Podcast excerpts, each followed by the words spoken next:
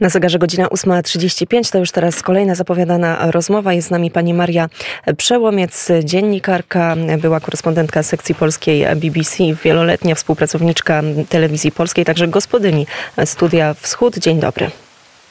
Dzień dobry Pani, dzień dobry Państwu. I zacznę od cytatu, e, Pani e, cytatu. Moskwa ogłosiła, że planuje wdrożyć porozumienia o państwie związkowym z Białorusią do 2026 roku. Na Tajwanie trwają być może decydujące dla światowego pokoju wybory prezydenckie. Kolejny atak Rosji na Ukrainę. Czwarty tydzień bez studia Wschód. Jaki komentarz Pani redaktor? No, nic się nie zmienia. W dalszym ciągu nie ma Studia Wschód. Znaczy, ja nie mam ani wielkości, nie uważam, że ten mój program był bardzo ważny, ale miał pół miliona widzów i wydaje mi się, że dosyć dobrze informował ludzi o tym, co jest dla nas w tej chwili naprawdę najważniejsze. O tym, co się dzieje na wschodzie, o tym, co się dzieje na Ukrainie, o tym, co się dzieje w Rosji. Ja z przerażeniem patrzę na wojnę polsko-polską. Ja przepraszam, ale nie zgadzam się z e, moim poprzednikiem na państwa antenie, że prezydent Duda nie powinien przyjmować e, premiera Tuska.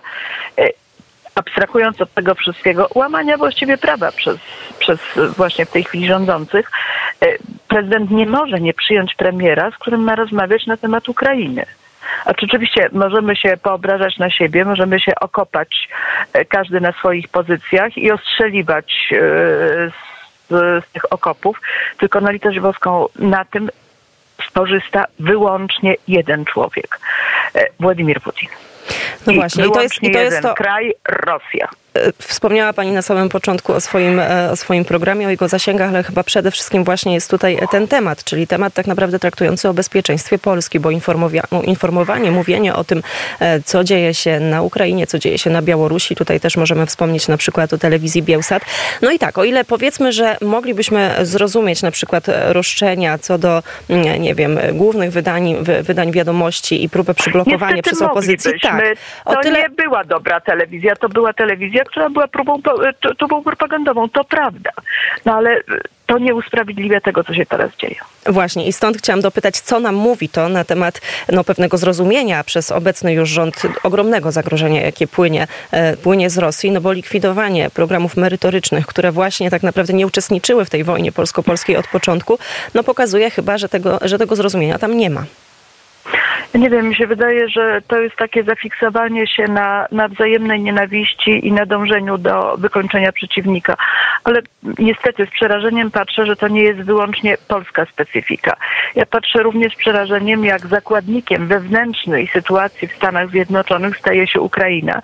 Myślę tutaj o tym, że mamy rok wyborczy i o tym, że w tej chwili kongres nie przyjął i być może jeszcze przez pewien czas, nie wiem czy w ogóle przyjmie, e, pakiet pomocowy dla Ukrainy w wysokości 61 miliardów e, dolarów. Pakiet, który jest właściwie Ukrainie niezbędnie konieczny. No tutaj chodzi o to, że republikanie chcą e, zaostrzenia polityki imigracyjnej. W zasadzie to słuszne żądanie. Pytanie, czy nie będą eskalować tych swoich żądań i czy pomocy, już wygląda na to, że pomoc dla Ukrainy uczynili Stany Zjednoczone uczyniły zakładnikiem wewnętrznej sytuacji, bo też Joe Biden uczynił z tej pomocy dla Ukrainy swój główny atut w wyborach prezydenckich. Pany boskie, nie wolno takich rzeczy robić, a jeżeli robią to Stany Zjednoczone, no to co się dziwić Polsce, tylko że u nas ten spór jest dużo ostrzejszy. No i my też nie mamy wiem. inną perspektywę przede wszystkim, bo... bo I my bo... mamy inną perspektywę, my graniczymy z Ukrainą.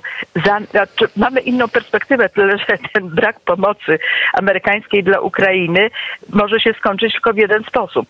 Czyli zmuszenie Zełęńskiego do zawarcia jakiegoś zgniłego kompromisu z Rosjanami, czyli zostawienie im tego, co zajęli. I my mamy, o tym wszyscy mówią eksperci, wszyscy ludzie znający się na rzeczy, uprzedzają, wszyscy analitycy rozsądni. I my za kilka lat mamy wojnę u siebie. Ba, politycy o tym mówią, Joe Biden o tym mówił, generałowie o tym mówią państwa bałtyckie i Polska.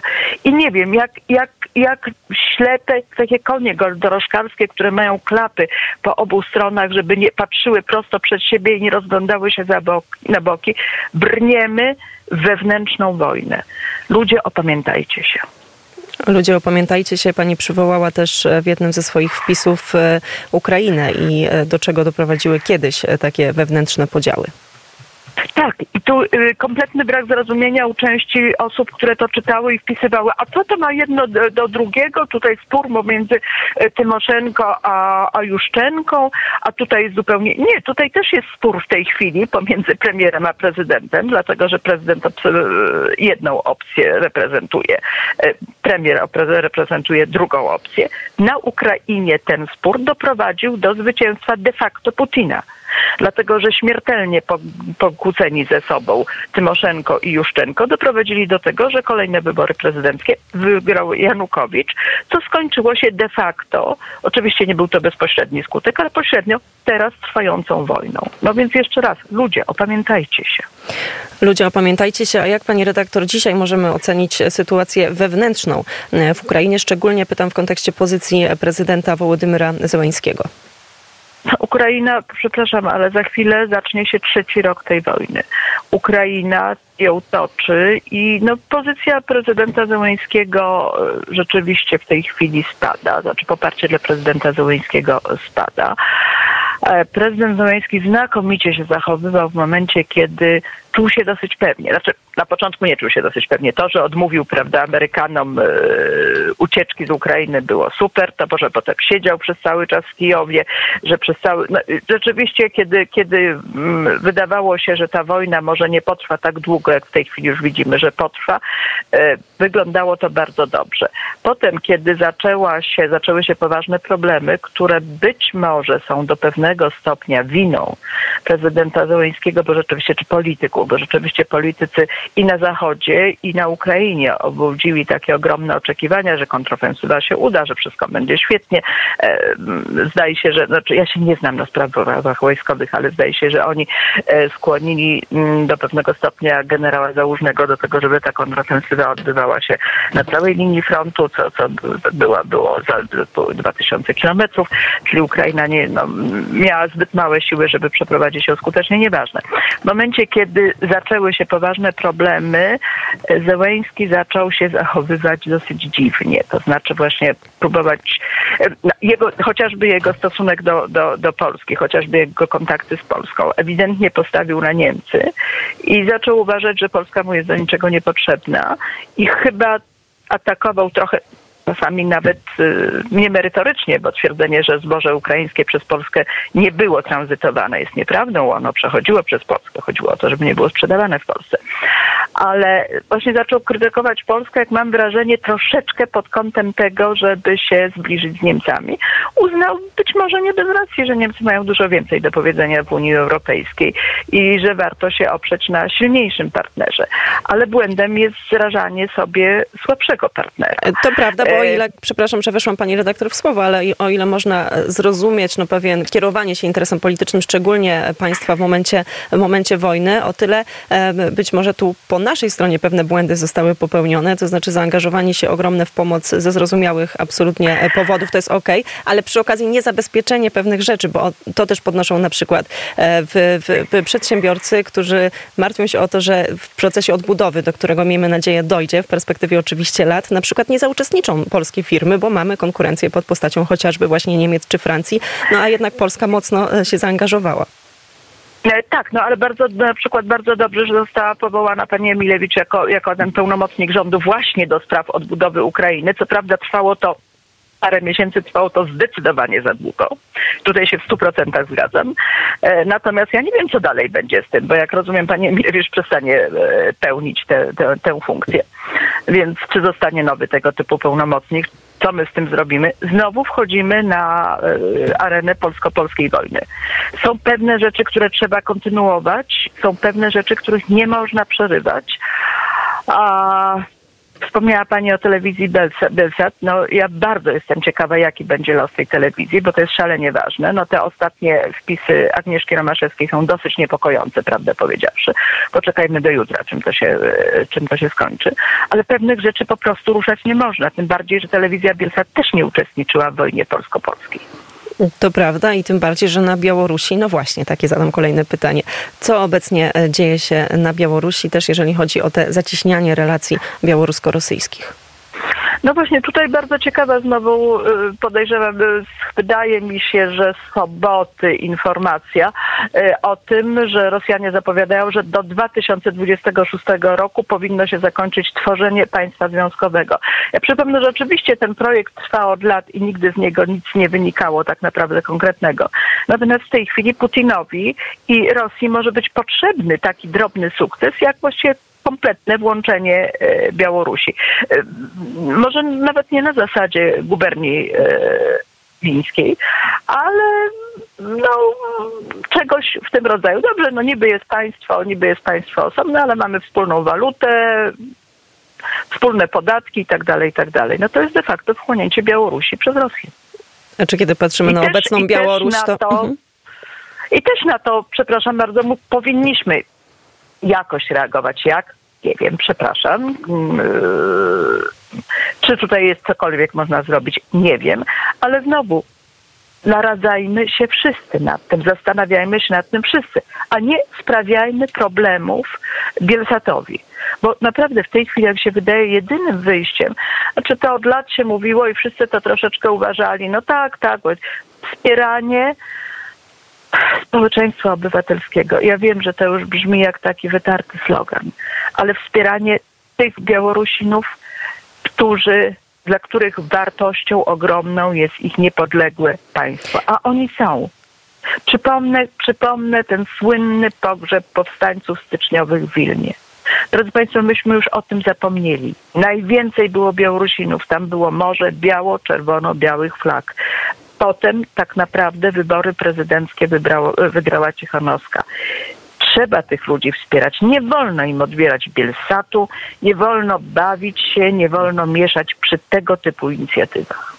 Tym bardziej, że to także jest e, w absolutnym interesie Polski. No dzisiaj mamy państwo de facto już też uzależnione od oczywiście od rządu e, rosyjskiego, ale mm, chciałam dopytać jeszcze właśnie o tą wolę e, tak naprawdę walki, tego pędu do wolności wśród Białorusinów. No mieliśmy po tych ostatnich tragicznych wydarzeniach, które poskutkowały chociażby mm, przetrzymywaniem wielu dziennikarzy, publicystów, tu możemy wspomnieć Andrzeja Poczobuta, wiele osób, które są przetrzymywane w więzieniach. Jednak oni taką wolę walki w sobie mieli. Później sporo tych dziennikarzy, publicystów z oczywistych przyczyn wyjechało, znaleźli się w dużej mierze w Polsce. Czy dzisiaj wciąż na Białorusi jest taki potencjał do być może jakiegoś wielkiego e, powstania? No bo to, co obserwowaliśmy e, dwa lata temu, to faktycznie było fenomenem i też e, trzeba przyznać, że rzadko kiedy obserwowane na Białorusi. To prawda. Nie, nie, wie pani co, no, trzeba by było przynajmniej być na Białorusi albo mieć lepsze wewnętrzne y, informacje z Białorusi niż ja mam jednak, to obserwuję wszystko y, z zewnątrz. E, w tej chwili wydaje mi się, że ci ludzie na Białorusi są potwornie zastraszeni. Dlatego, że rzeczywiście Łukaszenka do, już dokręca śrubę w sposób przed tym, nawet przed tym niewidziany. Te aresztowania e, ludzi, którzy przyjeżdżają na Białoruś z zagranicy, którzy nie, nie, uczestniczyli w żadnych e, demonstracjach, nie uczestniczyli w żadnych protestach przeciwko Łukaszence, którzy w tej chwili są zamykani do więzień tylko dlatego, że wracają z zagranicy. A czy ten reżim się śmiertelnie w tej chwili boi? On się czuje zagrożony. Zresztą dlatego tak się znęca nad Andrzejem Poczobutem, który stanowczo odmawia poproszenia o łaskę.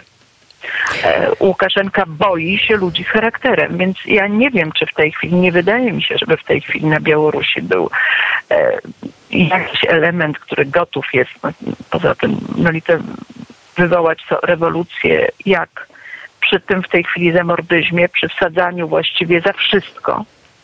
Nie wydaje mi się to bardzo prawdopodobne, ale tym bardziej, tym ważniejsze jest utrzymywanie dojścia do jakiejś swobodnej informacji i wspieranie tych ludzi, którzy tutaj, mam nadzieję, są i mam nadzieję, że kiedyś będą budować wolną, demokratyczną Białoruś.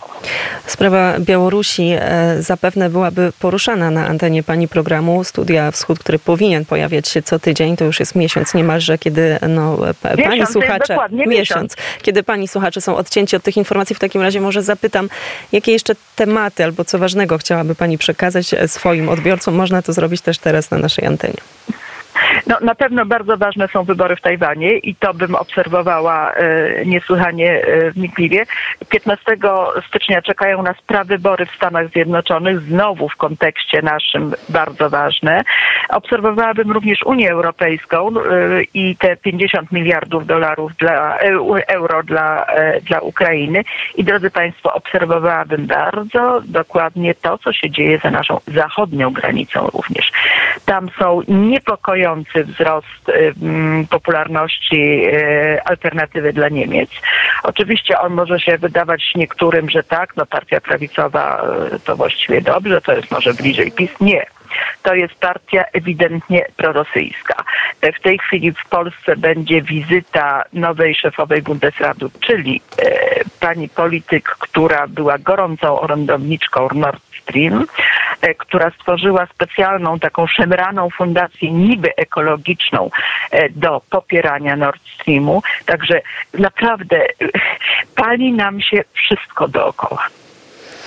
I tutaj postawimy kropkę. My także jako Radio Wnet tym wszystkim sprawom się przyglądamy i pewnie usłyszymy się. Czy mogę dodać, czy mogę Oczywiście. dodać jeszcze jedno? Wielkie Bóg zapłać i kłaniam się nisko programowi wschodniemu, Pawłowi Bobołowiczowi, wszystkim tym ludziom, którzy to robią. Drodzy Państwo, jesteście dla mnie nieocenionym źródłem informacji i, i myślę, że dla bardzo, bardzo wielu ludzi. Robicie fantastyczną robotę, tak jak cały Radio Wnet. Bardzo serdecznie dziękuję. To ja sama jeszcze pozdrowię Panią. Nie wiem, czy tak można, e, te, tak można sobie tyle e, komplementować na antenie, ale ja e, byłam słuchaczką i odbiorcą Studia Wschód. Bardzo też cenię całą pracę Pani redaktor. No i czekam, aż, aż to Studio Wschód wróci. Należę do, do tych odbiorców, którzy no tak naprawdę e, po prostu są źli. Nie tylko, nie tylko może zaniepokojeni, ale nawet źli, no bo zostało nam odebrane coś, co po prostu było e, wielką wartością merytoryczną i to jest istotne, aby, aby być zorientowanym przede wszystkim teraz e, na temat tego, co dzieje się za naszą wschodnią granicą. A moim i Państwa gościem była pani Maria Przełomiec, gospodyni Studia Wschód, dziennikarka, publicystka. Bardzo serdecznie dziękuję za rozmowę. Dziękuję i miłego dnia. Drodzy Państwo, póki życia, póty nadziei.